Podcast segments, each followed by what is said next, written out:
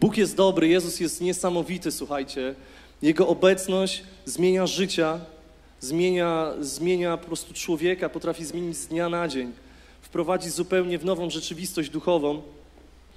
I zanim zacznę, chciałem się jeszcze tylko podzielić em, tym, co, y, nawiązując do tego, co pastor Adam w zeszłym tygodniu mówił. Ja miałem takie śmieszne doświadczenie. E, jeszcze za czasów, kiedy byłem, byłem e, wolny, ale byłem już w relacji z moją obecną piękną żoną, Karoliną. E, Poszliśmy sobie na wtedy jeszcze era, Nowa, era Nowe Horyzonty. I tam był taki śmieszny film. Film był jak, jak, jak film, wiecie, no. Zawsze tak jest, jak się jest młodą parą, to człowiek ma tak czas na takie rzeczy uduchawiające, chodzi po, po teatrach, po kinie, później kiedy przychodzi już troszeczkę po kinach, później kiedy przychodzi już taka powiedzmy szarość życia codziennego, to zapomina się o takich rzeczach, ale wtedy na początku jest do tego pasja, zapał, chęci i wspólnie, wspólnie się uduchawiamy przy różnych okazjach. I to był taki, i to był taki film, e, prosty film, o tym, że jest dom starców i jeden ze starców dostaje list od swojego syna. Drugi starzec mu czyta ten list, bo ten pierwszy starzec już jest zbyt, zbyt ślepy i oni postanawiają e, w czasie, jak jadą na rehabilitację, porwać busa, który ich wozi na, to, na tą rehabilitację, biorą kierowcę jako zakładnika i każą temu, zakładni- temu kierowcy, żeby ich wiózł do, wiózł do syna jednego właśnie z tych, z tych, z tych starców, żeby, żeby się z nim spotkać i porozmawiać.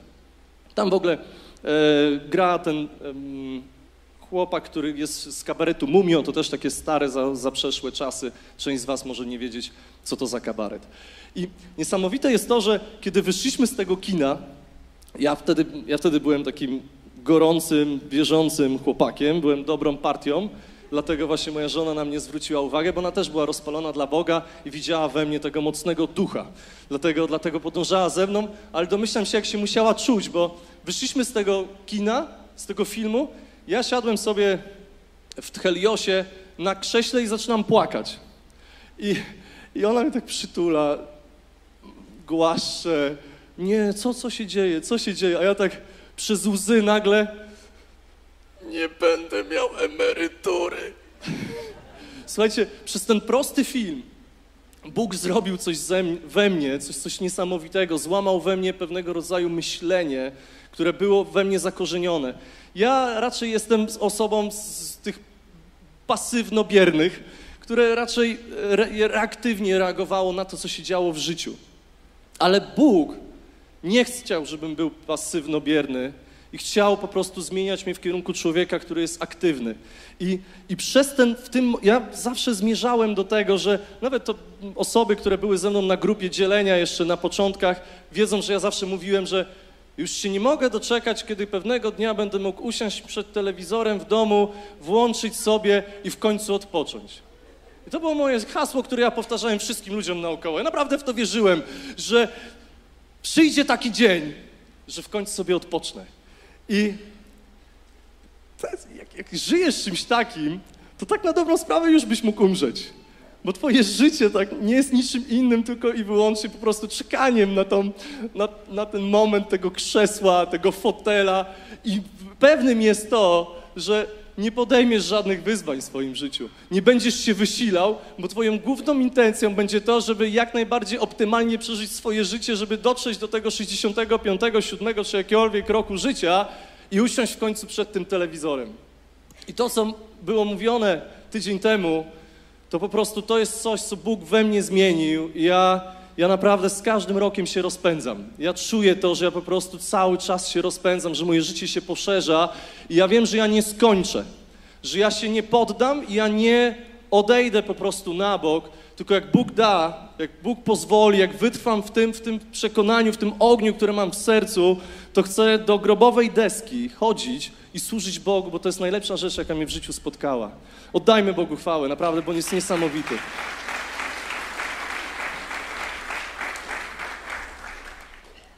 Życie z Bogiem jest drogą bez końca. Bóg, Bóg nie chowa rzeczy przed nami, tylko On chowa rzeczy dla nas.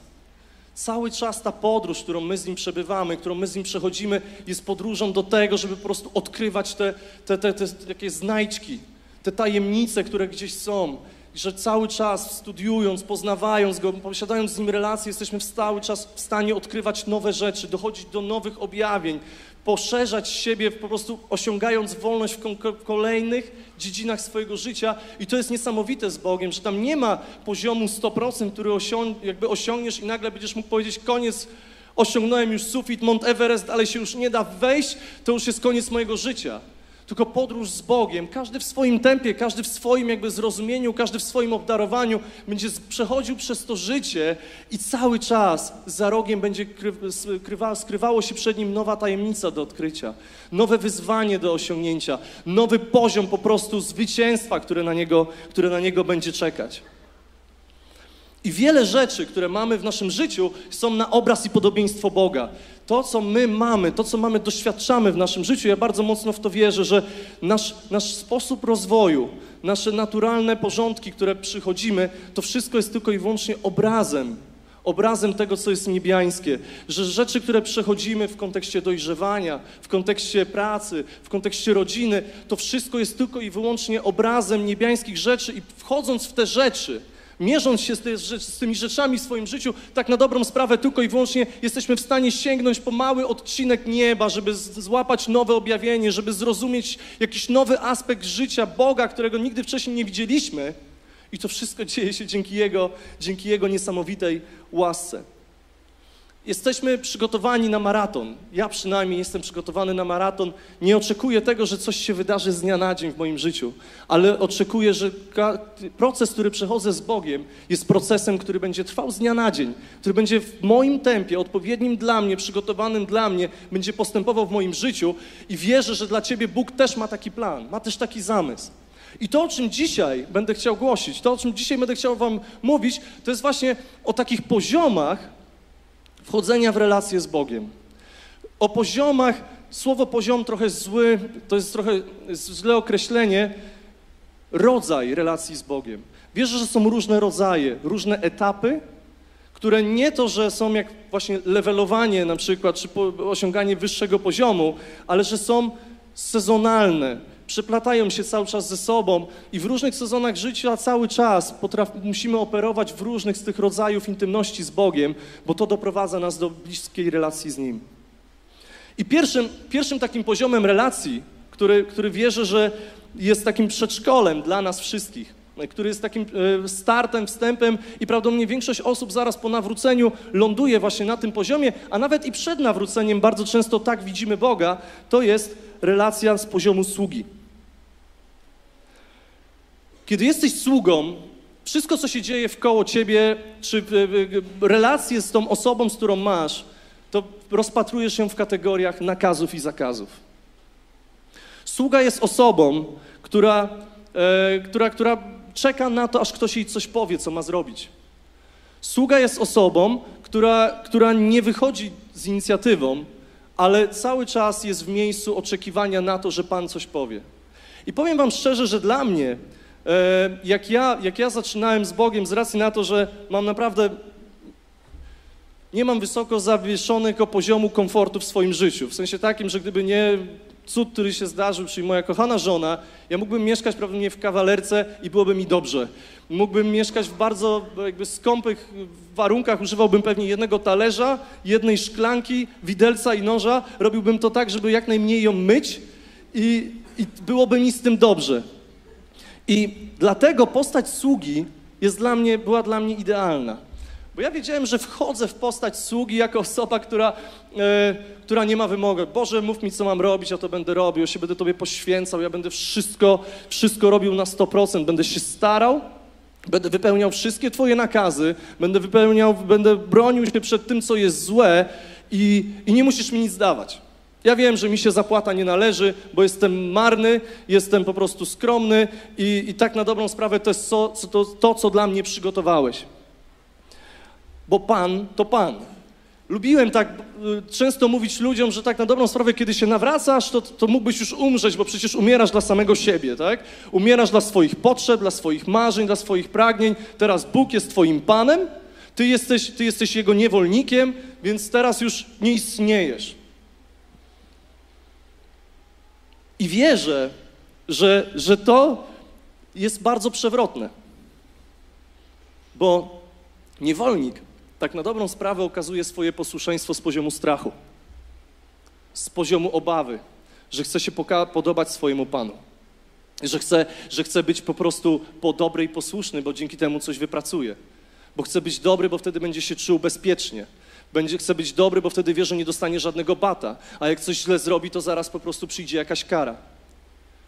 I bardzo często potrafimy swoje życie toczyć na tym poziomie po prostu ciągłej obawy o to, czy moje zachowanie podoba się Bogu. Czy to, co robię, jest po prostu tym, co Bóg do mnie, co Bóg ode mnie chce, żeby przypadkiem nie zejść ani krok w lewo, ani krok w prawo, bo tam na pewno czeka kara. A jak tylko dzieje się coś złego, to od razu zaczynasz analizować siebie, co zrobiłem źle, gdzie, gdzie postąpiłem źle, zaczynasz pokutować z powodu tego, że gdzieś tutaj może zjadłeś od jednego cukierka za dużo. Ale wierzę, bardzo mocno wierzę, że jest to błędne pojęcie sługostwa. Że to nie jest Boży obraz tego, jakim sługą stał się Jezus, i to nie jest ani obraz tego, jakiego sługostwa oczekuje od nas Bóg. Jestem przekonany, że to grzech zniewala. Grzech zniewala i powtórzę to jeszcze raz, że tylko i wyłącznie wolą diabła dla naszego jest, życia jest niszczyć i zniewalać i grzech nas splątuje. Ojciec, Jezus przyszedł po to, żeby owce miały życie i miały je w obfitości, żeby uwolnić nas do wolności, żebyśmy byli prawdziwie wolni. I nie po to uczynił nas wolnymi, żebyśmy teraz weszli w niewolę strachu, bojąc się Go o to, że On z nami się źle zatroszczy. Ale wierzę, że On uczynił nas wolnymi, żebyśmy my w swojej wolności mogli uczynić siebie sługami. Zaraz przeczytam fragmenty, o które o tym mówią, ale, ale to, co, to, co jest istotne i to, co będzie dzisiaj, myślę, powtarzało się, to jest moje pytanie do Was. Po co Bóg chce, żebyśmy byli wolni? To jest dobre pytanie. To jest naprawdę dobre, dobra myśl. Po co tak na dobrą sprawę Bóg chce, żebyśmy byli wolni? Filipian 2, 5, 7 czytamy. Bądźcie względem siebie tacy jak Chrystus Jezus. Bądźcie względem siebie jak Chrystus Jezus. Czyli jaki Jezus Chrystus był dla was, tacy i wy bądźcie dla siebie. On, choć istniał w tej postaci co Bóg, nie dbał wyłącznie o to, aby być równym. Przeciwnie, wyrzekł się siebie i przyjął rolę sługi i był jak inni ludzie. Jezus, żeby mógł się stać sługą naszym, najpierw musiał być w pozycji absolutnej wolność, wol, wolnego Boga. Że On wiedział, że On ma wolność swoją, ma władanie nad swoim życiem, ma swoje życie w posiadaniu i dlatego postanowił uczynić siebie sługą i ofiarować siebie nam. Nie ma innej drogi, zdrowej drogi do wolności, jak tylko i wyłącznie poprzez najpierw poznanie tego, kim jesteśmy w Chrystusie. Efezjan 3:1. Z tego powodu ja, Paweł, jestem więźniem Chrystusa Jezusa ze względu na was, na was pogam. To samo możemy powiedzieć o Pawle. Paweł, który, Paweł, który był wolny, który po prostu doświadczał niesamowitych rzeczy, który chodził w mocy Bożej, on sam postanowił i jakby podjął siebie i postawił siebie w miejscu sługi, bo chciał w ten sposób dotrzeć do ludzi, których musiał, którym musiał usłużyć. Wierzę, że pozycja sługi jest naturalną pozycją dla nas, jako dla chrześcijan, bo nie ma innej drogi promocji w Królestwie Bożym, jak tylko i wyłącznie poprzez stawanie się sługami. To jest to, co Jezus nam pokazał w czasie ostatniej wieczerzy, kiedy zaczął myć nogi swoim uczniom, żeby na sam koniec pokazać im, jak powinno, mieć między, jak powinno być między nimi, jak powinno być w naszym sercu. Kiedy my Ofiarujemy siebie, stawiamy siebie w miejscu sługi, ale nie z poziomu strachu. Nie z poziomu po prostu jakiegoś związania, nie z poziomu niedowartościowania, nie z poziomu po prostu niskiego poczucia własnej wartości, ale z poziomu stanięcia w wolności i przyjęcia wolności od Boga. A po co nam, po co nam Bóg dał, chce, żebyśmy byli wolni? Jeszcze nie teraz. Jeszcze nie teraz. Bóg nie oczekuje od nas ślepego posłuszeństwa. Pomimo tego, że bardzo często taki obraz był nam pokazywany. Bóg nie, nie daje nam tylko i wyłącznie listy oczekiwań, wymagań I najlepiej to po prostu, jeżeli będziemy żyli, żywiąc się tylko i wyłącznie chlebem ze smalcem, a jak będziemy dobrzy, to dostaniemy jeszcze ogóreczka kiszonego i dostaniemy jeszcze szklaneczkę wody, żeby się popić, żeby to wszystko popić, żeby było nam dobrze. To nie jest wola Boża dla naszego życia, to nie jest Jego cel dla nas, to nie o takie niewolnictwo i bycie posłusznym Jezusowi chodzi. Nie to zamyślił dla nas i nie to nam chciał ofiarować. Nie po to umierał, żebyśmy żyli o chlebie ze smalcem. Chociaż dla niektórych to może być naprawdę niesamowity, niesamowity posiłek. Boży plan względem naszego życia jest zupełnie większy niż to. Ku wolności wyswobodził nas Chrystus, żebyśmy z wolności mogli okazywać swoje posłuszeństwo. To jest myśl, która kryje się, kryje się za zdrowym obrazem, obrazem bycia sługą dla Jezusa Chrystusa i dla, dla Królestwa Bożego.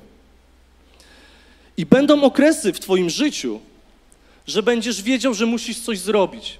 Nawet jeżeli nie będziesz chciał tego do końca zrobić, ale będziesz wiedział, że Bóg Cię wzywa do tego, żebyś coś zrobił, że gdzieś Twoje serce jest poruszone, żeby coś zrobić, i to jest moment, w którym my musimy umieć się poruszać. Że wolność jesteśmy absolutnie wolni. Po co? Zobaczymy. Ale jesteśmy wolni do tego, żeby okazywać mu posłuszeństwo. Hebrajczyków 5:8. I chociaż był synem, nauczył się posłuszeństwa dzięki temu, co wycierpiał. Halleluja. Halleluja. Przez to, że okazał posłuszeństwo, że postawił siebie w miejscu sługi, to jakby dało nam, to dało nam wolność. On w to posłuszeństwo wszedł z miejsca sytuacji, w których czasami musiał się po prostu ugiąć przed tym, przed tym, co Bóg stawiał, stawiał przed nim. Drugi rodzaj relacji z Bogiem to jest syn i córka. Bóg chce poznać serce, które stoi, które stoi za tobą. Zacznę od Efezjanów, listu do Efezjan 1, 4, 5. On wybrał nas w nim przed założeniem świata, abyśmy wobec niego byli święci, nienagani i żyli w miłości. Przeznaczył nas, abyśmy przez Jezusa Chrystusa stali się jego dziećmi zgodnie z życzeniem jego woli. W miłości zaadoptował nas. Halleluja. Jego definicja kochania zawiera w sobie wolę i zawiera sobie przyjemność. To jest niesamowite, że to nie jest tak, słuchajcie, że mm, Jezus wziął, umarł za nas, złapał Boga za, za, za rękę, wykręcił mu tą rękę i kochaj ich teraz. Kochaj, bo umarłem za nich. To jest wola Boża, bo On nas stworzył, On stworzył Ciebie i mnie, że On chce Ciebie kochać. On chce okazywać swoją miłość i Jemu to sprawia przyjemność. To, co jest niesamowite w naszym, w naszym, w naszych, w naszym życiu i w świecie, jest to, że bardzo często to, co nam się pokazuje, to jest to, że świat akceptuje tylko jedną z tych rzeczy. Że czasami, jak jest wola, to nie ma przyjemności, jak, jak ktoś się do czegoś zmusza, a w miłości z reguły jest przyjemność. I tak samo jest w małżeństwie. 99,99999, nie wiem jak jest u was, 9999 procent przypadków w moim małżeństwie miłość wiąże się z przyjemnością. Ale czasami jest ten 0,0000001, w których ja decyduję się, że chcę kochać swoją żonę. W której po prostu okoliczności są przeciwne. A mimo wszystko, mimo wszystko ja chcę. I to jest właśnie ten obraz niebiański, który zostaje dany nam, żebyśmy zrozumieli, jak funkcjonuje Królestwo Boże, żeby patrzeć na swoje małżeństwo, żeby patrzeć na obraz tego, co Bóg nam dał, żebyśmy mogli obserwować, jak było na początku, jak Bóg to zamyślił. Czasami nawet syn może okazywać posłuszeństwo ze strachu. To jest bardzo fajne. Z jednej strony zdajemy sobie sprawę, że jesteśmy Jego dziećmi, że jesteśmy przez Niego zaadoptowani, że On to zrobił z miłości, że On chciał to zrobić. Ale mimo wszystko doświadczenia, które mamy, sprawiają, że cały czas ten obraz Ojca, który jest przed nami, jest tym obrazem, który wydaje nam się być groźny, wymagający, który wydaje nam się, że znowu tylko i wyłącznie działamy na poziomie zakazów i nakazów. W Galatach 4.1 czytamy, i tu fajnie się zaczyna taki wstęp, powiem jeszcze – że dopóki dziedzic jest małym dzieckiem, to choć jest panem wszystkiego, nie różni się od niewolnika. Amen? Amen. Zobaczcie, jak fajnie możesz być synem, możesz przyjąć to objawienie, a mimo wszystko funkcjonować jak niewolnik. Tylko i wyłącznie w sytuacji, w której nie zdajesz sobie sprawy z tego, co zostało Tobie ofiarowane, co zostało złożone w Twoje ręce, do czego zostałeś powołany, jaki jest cel Boży dla Twojego życia, jakie jest Jego pragnienie dla Twojego życia, a w zamiast tego po prostu jesteś związany przez strach, przez obawę, przez brak poczucia bezpieczeństwa. Tutaj wracamy do tego tematu syna marnotrawnego, opowieści, która jest opowiadana bardzo często właśnie w kontekście tego, jak wygląda synostwo. Mamy tam dwóch synów. Jednego syna, który bardzo dobrze zdawał sobie sprawę z tego, co mu się należy, zażądał tego, wziął to i roztrwonił to. A mimo wszystko Bóg go kochał dalej. Mimo wszystko kochający ojciec nie, nie poddał się i cały czas cieszył się z jego powrotu. I mamy tego drugiego syna, który pomimo tego, że był władcą wszystkiego, że wszystkim mógł zarządzać, to stawiał siebie w roli niewolnika, stawiał siebie w roli po prostu osoby, której się nic nie należy, bo cały czas on z kolei obawiał się ojca, że ojciec będzie zły, kiedy on sobie na coś pozwoli. I to jest myśl, którą Bóg we mnie po prostu łamał wielokrotnie, że ja mam prawo o coś poprosić. Nie wiem, czy wy tak macie, ja tak miałem. Nie chciałem prosić, bo w sumie po co? Przecież Bóg wie, czego potrzebuję. Bóg wie, o, co, o czego ja potrzebuję w życiu. To da mi to. A jeżeli nie daje, to nie daje. Nie tak działa relacja ojca z synem. Moje dzieci, kiedy przychodzą do mnie i chcą o coś poprosić, nie mają żadnego problemu, żeby przyjść i poprosić. Niezależnie od tego, niezależnie od tego, co to jest. Przyjdą i proszą. Sieroctwo. Wielu z nas czuje się pozostawionymi, czuje się nieudolnymi, nie mogącymi liczyć na żadną pomoc. Jeżeli jesteś w takim miejscu, to Bóg mówi dzisiaj do ciebie: Nie pozostawiłem was sierotami. Tak jest napisane. Jana 14, 16, 18, żeby nie być gołosłownym. Ja natomiast będę prosił Ojca i On da wam innego opiekuna, aby był z wami na wieki, ducha prawdy, którego świat nie może przyjąć, bo go nie widzi ani nie zna. Wy go znacie, ponieważ trwa przy was i będzie w was. Nie zostawię was sierotami, przyjdę do was. Bóg nie zostawił ciebie sierotą. Bóg nie zostawił ciebie po prostu oderwanym od, totalnie od swojej, od relacji ze sobą. Jesteś synem, jesteś córką, jesteś prawowitym dziedziczem, dziedzicem tego, co, co jest niebiańskie. I tak jak jest napisane, świat tylko oczekuje objawienia się synów i córek. Osób, które staną w swoim autorytecie i przyjmą tą rzeczywistość, którą Bóg dla nich powołał, którą Bóg dla nich stworzył, żeby stanąć w tym autorytecie i rozmawiać z Bogiem tak jak ojciec, tak jak ojciec z synem. Ja jestem trzecim dzieckiem. Mam, mam też trójkę dzieci, e, więc swoje troszkę przeżyłem. I pomimo tego, że z jednego chowu mam, mam swoich synów, to, to jeden syn cały czas jest taki mniej pewny siebie, a drugi jest przekonany, że wszystko mu się należy. To jest niesamowite. Chowasz dzieci tak samo, niby wychowujesz ich tak samo, a jest zupełnie inna postawa względem rzeczywistości. I tak samo Bóg jest otwarty na nas, żeby mieć z nami absolutnie indywidualną, e, indywidualną relację. Dziecko, kiedy jest dzieckiem, ma tendencję do myślenia i widzenia rodzica tylko i wyłącznie w kategoriach tego, który mu daje jakieś ograniczenia i granice, tak? Tego, który cały czas mu daje limity na, na elektronikę, temu, który każe mu się uczyć, temu, który każe cały czas mu robić rzeczy, których on nie miał ochoty, a chciałby porobić coś innego.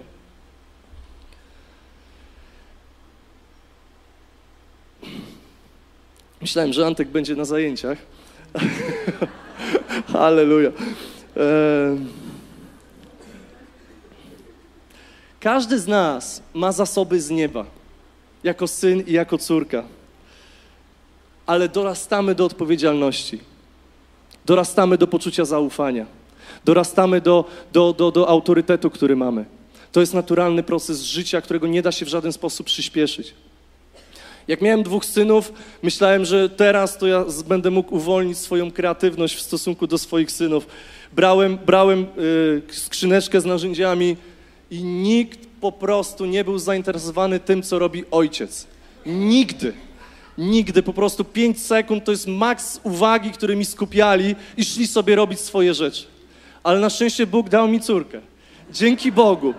Teraz ma 5,5 roku, ale to jest dziewczę, które potrafi godzinami ze mną siedzieć, jak ja gdzieś coś wiercę, jak ja coś robię i jest, tatuś, jakie narzędzie potrzebujesz? Robi mi porządki w skrzyneczce. Po tych porządkach w skrzyneczce ja muszę robić porządek przez pół godziny, ale ona po prostu jest, uważa, patrzy i, ale ja, będąc mądrym ojcem, nie dam pięciolatce wiercić dziur w ścianie. Dam jej potrzymać odkurzacz, żeby wciągała. Kiedy miała trzy latka, to bałem się jej dawać śrubokręt. Ale z czasem dorosła śrubokręt, do śrubokręta i do kombinerek. Ten proces następuje w miarę wzrastania. Nie dasz pięcioletniemu synowi prowadzić samochodu. Hm? Może dasz, ale zasadniczo nie dasz. Nie dasz pięciolatkowi prowadzić samochodu. Nie możesz od niego oczekiwać, że on będzie perfekcyjny, idealny we wszystkim. I Bóg nie oczekuje od ciebie, żebyś ty był perfekcyjny, idealny we wszystkim. Ba, on zakłada, że będziesz popełniał błędy w swoim życiu. Jeżeli nawet mój syn miałby już 18 lat, zdobyłby prawko, dostałby samochód do przejechania, to nie od razu, stary, masz kluczyki, jedź. Tylko przecież za pierwsze tygodnie byłoby, że ja bym siedział z boku. Prawdopodobnie tak będzie. Będę patrzył, jakie są jego zaufania, jakie są jego zachowania, odruchy, czy dobrze się zachowuje i w miarę jak będę czuł się w poczuciu bezpieczeństwa z nim, to dopiero wtedy będę mógł przekazywać. Ale to, co jest najlepsze, to nawet jak on weźmie już w końcu ten kluczyki, poczuje wolność i wleci w rów, to to nie oznacza, że ja już mu nigdy w życiu samochodu nie dam. No przecież ma dopiero 18 czy 19 lat. Dostanie pewnie jakieś konsekwencje swoich, swoich zachowań, ale po, po, już po miesiącu, po dwóch miesiącach pewnie znowu zacznie prowadzić samochód. Bóg nie oczekuje od nas po prostu bycie idealnymi. I nawet kiedy popełniamy błędy, to to nie zamyka nam drogi do naszego powołania, do naszego przeznaczenia, do tego, co On nam powołał, tylko On cały czas trzyma to przed nami i On cały czas czeka, aż będziemy dorastali do tego powołania, do tego obdarowania, do tych darów, które On dla nas, które On dla nas przekazał. Ale wszystko w Królestwie Bożym wymaga czasu. Wszystko to jest proces, który przechodzi. Są rzeczy, które nagle przychodzą jak po prostu piorun z góry, że nagle przychodzą jakieś uwolnienie do naszego życia, jakieś zmiany. Ale praca nad charakterem, praca nad dojrzałością to jest proces, przez który musimy, który musimy się uzbroić. Galacjan 4:47, podsumowując to, co teraz powiedziałem, kiedy jednak wypełnił się czas, Bóg posłał swego syna, który narodził się z kobiety i podlegał prawu aby wykupić żyjących pod prawem i umożliwić nam usynowienie. A ponieważ jesteście synami, Bóg posłał do waszych serc ducha swego syna, który woła Abba Ojcze. Tak więc już nie jesteście niewolnikami, lecz synem, a jeśli synem, to za sprawą Boga dziedziczem, dziedzicem. Oddajmy Bogu chwałę, słuchajcie. I powiedz teraz głośno: Dziękuję Ci, Boże, że jestem dziedzicem. Powtarzaj to do siebie. Żyj tym. Nasiąkaj tą, tą świadomością, bo taka jest prawda, taka jest Słowo Boże. Tak jest napisane. Każdy inny poziom potępienia, każde inne słowo jakiegoś po prostu oskarżenia, to nie jest myśl od Boga. To jest myśl, która macie tylko i wyłącznie spowolnić i oskarżyć.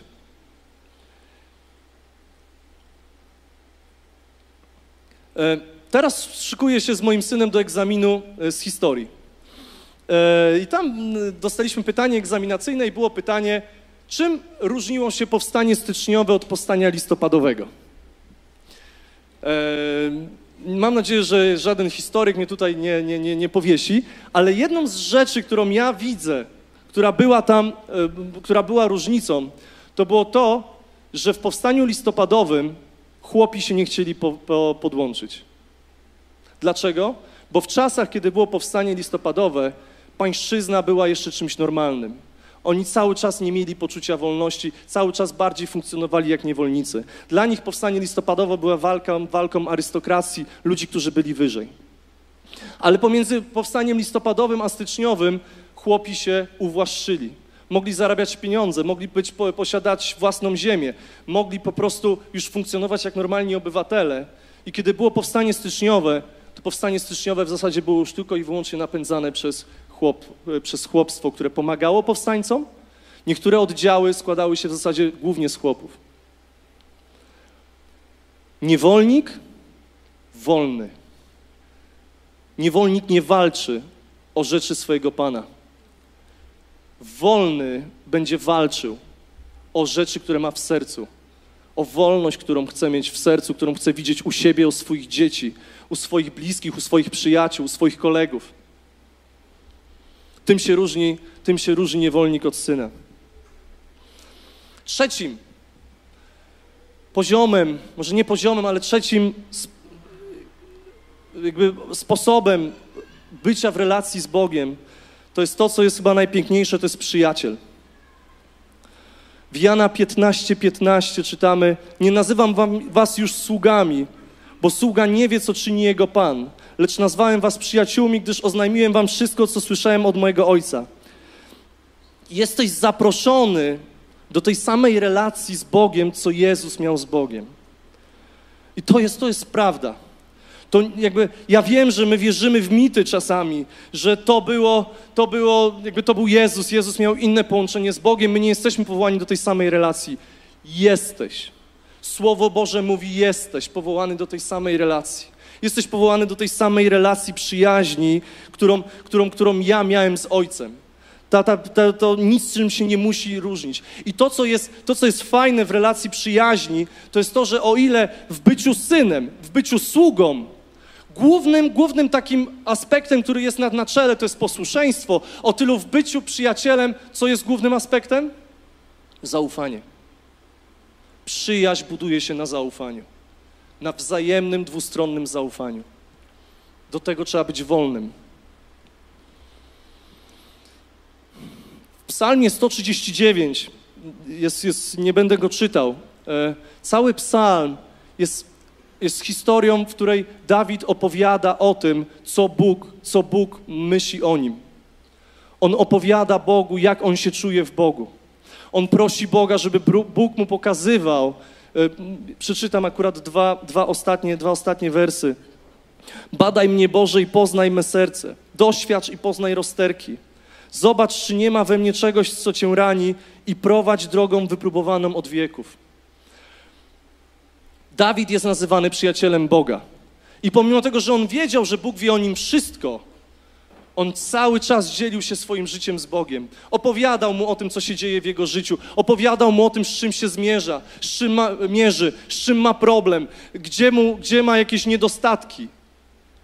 A Bóg po prostu przyznawał się do tego i wykraczał poza swoje przyjęte, przyjęte zasady, które miał. Tylko i wyłącznie dlatego, że postawa Dawida tak mocno chwytała go, chwytała go do serca. Relacja przyjaźni to jest relacja, w której dajesz drugiej osobie przystęp do swojego serca, do swojej duszy.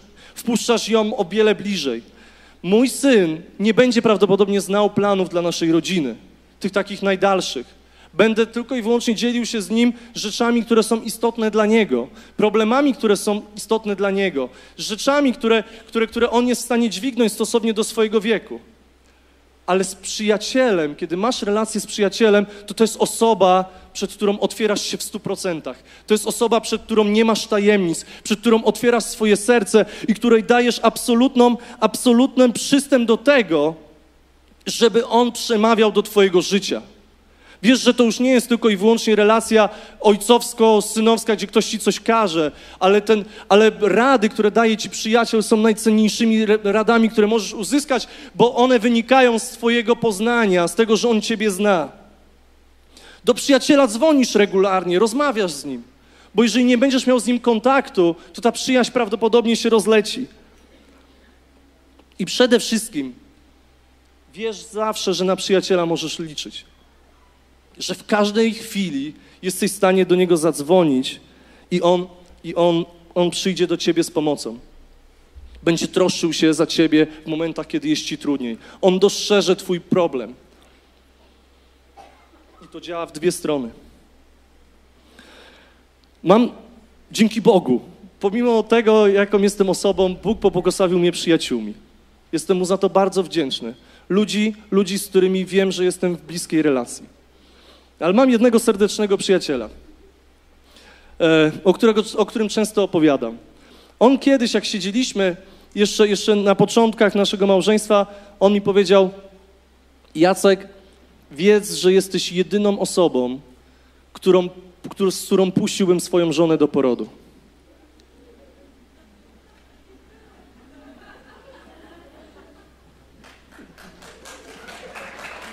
Ja liczyłem na wow, wow, na coś takiego liczyłem.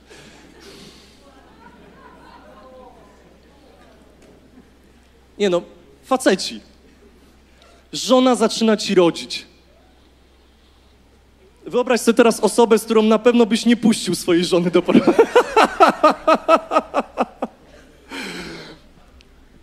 Dla mnie to znaczyło dużo. Dla mnie to znaczyło poczucie bezpieczeństwa. I tego właśnie wymaga przyjaźń. Wymaga zaufania, poczucia bezpieczeństwa i wzajemnej, i wzajemnej, yy, wzajemnego po prostu poczucia też zależności. Ale jeżeli nie jesteś wolny, to ciężko jest ci być w takiej prawdziwej e, relacji przyjaźni. Bo wkrada się zazdrość, wkrada się porównywanie, przestajesz być obojętny względem tego, co się u tej osoby dzieje, tylko zaczynasz porównywać ją w sobie. Albo być może jesteś zazdrosny o to, co Bóg robi w jej życiu, a w twoim nie. Tylko i wyłącznie będąc wolnym, jesteś w stanie wejść w relację przyjaźni, która jest relacją czystą. I to nie tylko mówię teraz o relacji oczywiście z człowiekiem, tylko przede wszystkim mówię o relacji z Bogiem. W której nie czujesz, że ej ty, bo nagle ci przyjaciel zaczyna opowiadać, to możemy sobie wyobrazić, że ma tam z kimś kontakt. Kiedy wiesz, jaka jest twoja relacja z tą osobą, to nie czujesz się odstawiona na bok. Nie czujesz się po prostu odstawiona na boczny tor i teraz zagrożona, że twoja przyjaźń zaraz pęknie i zniknie. Tylko jeżeli wiesz, jaką masz relację z tą osobą, to wiesz, że po prostu to wszystko, to wszystko jest błogosławieństwem dla, dla was wszystkich. Tylko wolny człowiek bez zazdrości, poczucia krzywdy, kalkulacji jest w stanie wejść w realną przyjaźń. I tego samego, jakby to samo tyczy się relacji z Bogiem. Że tylko i wyłącznie, jeżeli przychodzisz wolny do Boga, bez, bez poczucia krzywdy, bez poczucia bycia sierotą, bez, bez kalkulacji, przychodzisz do Niego i chcesz mieć z Nim kontakt, żeby się przed Nim otworzyć. I w dwie strony chcesz, żeby On otworzył się przed Tobą, żeby objawił Ci swoje plany, co On planuje, to tylko wtedy jesteś w stanie w tej relacji być. Dlaczego potrzebujemy być wolni? To już Wam zdradzę. Bo tylko, bo wolni ludzie są najlepszymi kochaczami. Są po prostu wolni do tego, żeby przyjmować miłość, tak jak Bóg to zaplanował, i są wolni, żeby okazywać tą miłość innym. Dla wolności nas Bóg wyswobodził i to był Jego największy plan, bo On wiedział, że tylko i wyłącznie, kiedy my ludzie jesteśmy wolni, to jesteśmy w stanie być powołani do relacji z Nim. To, czego On pragnął, to jest to, żeby mieć z nami relację, a zdrowa i czysta relacja wymaga wolności nie poczucia zranienia, poczucia braku bezpieczeństwa, tylko by, bycia w miejscu osoby, która wie, że jest synem, wie, że jest przyjacielem, wie, że jest sługą, ale jednocześnie i, i, poddaje siebie w tym wszystkim, żeby okazywać, okazywać miłość. Bo przyjaciel wyśle właśnie ciebie ze swoją żoną do porodu. Wiesz, że może ci zaufać i tak samo Bóg kiedy ufa Tobie, powierzy Ci tych, te osoby, które są dla Niego najważniejsze. Że kiedy poprosi Cię, żebyś kogoś do kogoś napisał, żebyś z kimś porozmawiał, żebyś się o kogoś zatroszczył, to On wie, że może Tobie zaufać, że Ty to zrobisz dobrze. Tak robią przyjaciele. Bóg jest miłością, nie zapominajmy o tym. I to, co On przede wszystkim chce nam przekazać, to umiejętność kochania.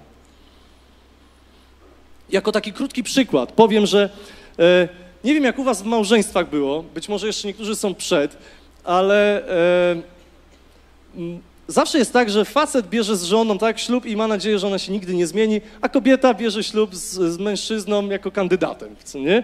I wie, że w chwili obecnej rozpoczyna y, proces. Proces tworzenia męża.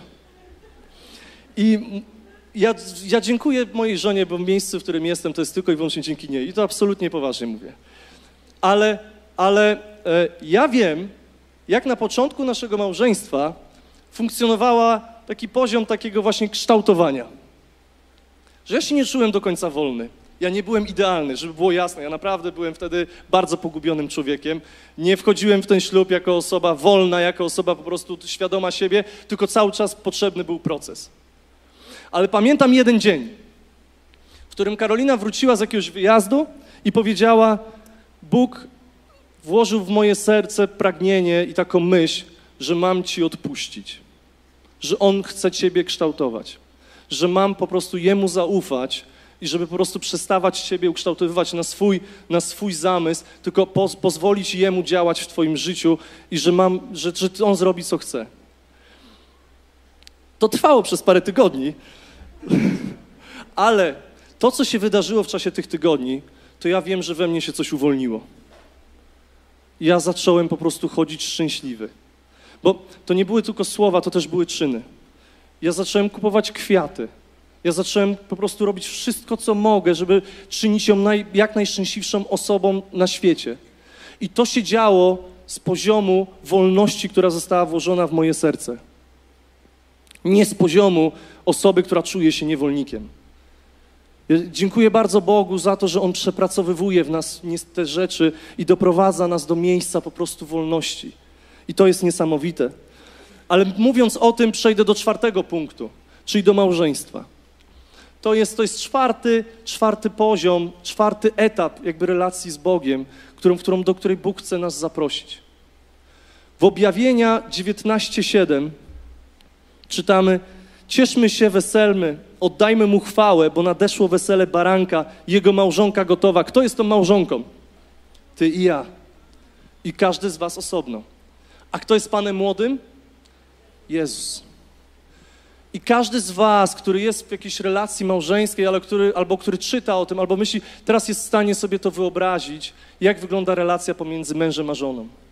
Dlatego Boże, Bóg tak to zaplanował, czyniąc małżeństwo, dając nam dzieci, wlewając w nas serce do tego, żebyśmy mieli potomstwo, żebyśmy przechodząc przez to życie doświadczali objawienia tego, jak On to zaplanował od samego początku i to jest nasze przeznaczenie, że Pan młody troszczy się o swoją, o swoją żonę. Pan młody zabiega o nią. Rano, kiedy wstaje, pyta się jej, co mogę dla ciebie zrobić. Zrobi dla niej wszystko, stanie w jej obronie, ale panna młoda zrobi wszystko, żeby być gotowa dla pana młodego. Żeby być dla niego czysta i nieskazitelna. Żeby być dla niego dobrą partnerką. I małżeństwo, kiedy zaczyna funkcjonować ze sobą, to po jakimś czasie zaczyna myśleć tak samo, żyć tak samo, zaczynają funkcjonować na podobnym poziomie. To wszystko zaczyna się stawać w taki sposób, że jak rozmawiasz z jednym, to tak jakbyś rozmawiał z drugim. Że czasami ja wiem, co Karolina powie, ja wiem, jak ona zareaguje, wiem, że jak to zrobię, to ona będzie zła. Jak na przykład głupi żart powiem, tak? To jest takie bardzo popularne, e, bardzo popularne i się, i się blokuje, blokuje się, żeby po prostu nie, nie, nie sprawiać jej przykrości. I tak samo Bóg zamyślił sobie, jest to absolutnie realne, żebyśmy my z Bogiem byli w, tej samym, w tym samym poziomu, poziomie relacji. Tylko tak jak w małżeństwie jest tak, że małżeństwo to nie jest dodanie jedna, druga plus jedna, druga, to jest całość. Małżeństwo to jest dodanie do siebie dwóch całości, bo małżeństwo to nie jest dodawanie, tylko mnożenie, tak? Dlatego tylko i wyłącznie będąc wolnym, dochodząc do tej wolności, stajemy się prawdziwymi kochaczami. Wchodzimy w relację z Bogiem, w którym nagle nie ma takiego problemu, że o cisza, nic się nie dzieje. Tylko po prostu w małżeństwie wchodzi się w taki poziom relacji, że przebywasz razem ze sobą i cisza ci nie przeszkadza. Bóg nie jest pasywno-agresywny. Bóg nie jest takim, że jak milczy, to oznacza, że jest na ciebie zły. Bóg lubi z tobą przebywać w bliskiej relacji. Kiedy panowie apostołowie z Jezusem byli na ostatniej wieczerzy, I w pewnym momencie nagle Jezus wypalił: Jeden z was mnie zdradzi. Był tam Piotr. I pomimo tego, że Piotr był tym, który był zawsze przy Jezusie, był tym, który mówił, który prowadził, który załatwiał, organizował, to był gość, który znał się na rzeczy, to on nie zapytał Jezusa: Jezu, kto cię zdradzi? On klepnął Jana. Dlaczego klepnął Jana? Bo Jan w tym czasie był na piersi Jezusa. Bo Jan nie przejmował się tak bardzo tym, co było powiedziane, bo wsłuchiwał się w jego, w jego rytm jego serca. To było pragnienie Jana być blisko Boga. To było i pragnienie Jana, żeby być jak najbliżej Niego, nie po to, żeby dostać jakąś informację, tylko dlatego, że czuł się w tej relacji bezpiecznie, że czuł się w tej relacji absolutnie wolny i wiedział, że, że ufa w stu procentach. I to Jan zadał pytanie Bogu i, to, i Bóg mu odpowiedział. Jeżeli ja już mogę prosić zespół, żeby powoli zaczął się przygotowywać, później, kiedy Piotr, będąc przy, przy, przy ognisku, zaparł się Jezusa, to Piotra już nie było niestety pod krzyżem. Tą osobą, która była z Jezusem do samego końca, był Jan. To był ten poziom relacji, do którego Bóg chce Ciebie zachęcić. W którym wiesz, że ta osoba staje się dla Ciebie najważniejszą na świecie, że nigdy jej nie odpuścisz. Że nigdy jej po prostu nie zdradzisz. Że będziesz po prostu walczył o każdą chwilę z nią. Że będziesz walczył po prostu o to, żeby z nim przebywać. I ja nie wiem, w jakim miejscu jesteś teraz. Ja nie wiem, w, w jakim miejscu tego, co mówiłem, ty siebie osobiście odnajdujesz ale wierzę, że w każdym tym miejscu Bóg wzywa nas do, do wolności. Bóg wzywa nas po prostu do tego, żeby uchwycić Jego wolność, za którą On umarł, żebyśmy ją mieli. Żebyśmy z poczucia wolności potrafili stawać się sługami. Żebyśmy z poczucia wolności byli Jego synami i czerpali od Niego mądrość, odpowiedzialność, żeby wzrastać w Jego, w Jego, w Jego obdarowaniu. Żebyśmy w poczuciu wolności stali się Jego przyjaciółmi w których wiemy, że możemy Mu w stu procentach zaufać. I przede wszystkim, żeby w poczuciu wolności wejść z Nim w tą najbliższą relację, jaką można, jaką można wejść. Jak mąż i żona. Gdzie ciężko już będzie rozpoznać, kto jest kim. Wierzę, że, wierzę, że każdy z nas zmaga się z jakimiś po prostu miejscami, które, które gdzieś nas ograniczają. Ale jest taka opowieść w Biblii, Niesamowita to jest opowieść Pawła i Sylasa, którzy byli w więzieniu i w czasie, kiedy ich zamknęli w tym więzieniu, oni zaczęli śpiewać religijne pieśni. Zaczęli uwielbiać Boga. I w czasie, kiedy oni sprowadzili atmosferę Bożą na świat, w czasie, kiedy oni sprowadzili Bożą rzeczywistość, Królestwo Boże na świat, nagle wszystkie ograniczenia, nagle wszystkie kajdany, całe zniewolenie nagle puściło w tym momencie. Kajdany mi opadły, drzwi od więzienia się, drzwi od więzienia się otwarły. Ale to, co najfajniejsze w tej historii, nie jest do końca to, że sprowadzenie perspektywy Królestwa Bożego przyniosło wolność, sprowadzenie prawdy przyniosło wolność. Bożym planem nie jest dla ciebie bycie niewolnikiem. Bożym planem dla ciebie jest bycie wolnym i to jest tylko i wyłącznie jedyna prawda dla twojego życia. Chwała Jezusowi. Ale to, co jest najfajniejsze w tej historii, to jest to, że kiedy to się stało, oni nie wybiegli z tego więzienia. Oni w nim zostali. Bo oni wiedzieli, że to nie więzienie ich związuje, że w Królestwie Bożym mogą być w jakimkolwiek miejscu, w jakimkolwiek pracy, w jakiejkolwiek relacji, w jakiejkolwiek sytuacji i mogą być wolni. I to jest wola Boża dla Ciebie. To jest Boży plan dla Ciebie, żebyś był wolny. Żebyś był wolny dla relacji, bo ci, którzy są wolni, są najlepszymi kochaczami. Najlepszymi kochaczami.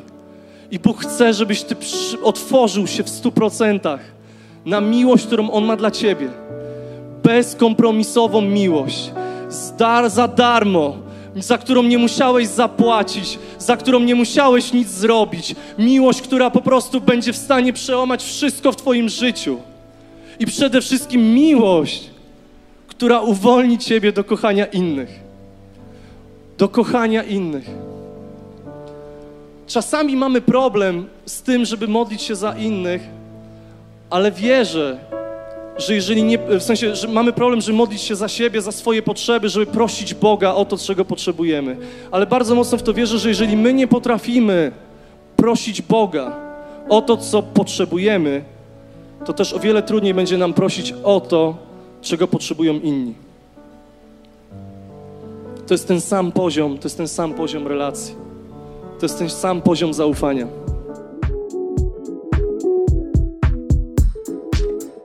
Dzięki za odsłuchanie podcastu Kościoła Wrocław dla Jezusa. Przesłanie było dobre, prawda? Gwarantujemy, że to nie tylko teoria. Teraz Twój ruch, by zastosować je w swoim życiu. Jeśli chcesz dowiedzieć się o nas więcej, odwiedź stronę wdj.pl. Do usłyszenia!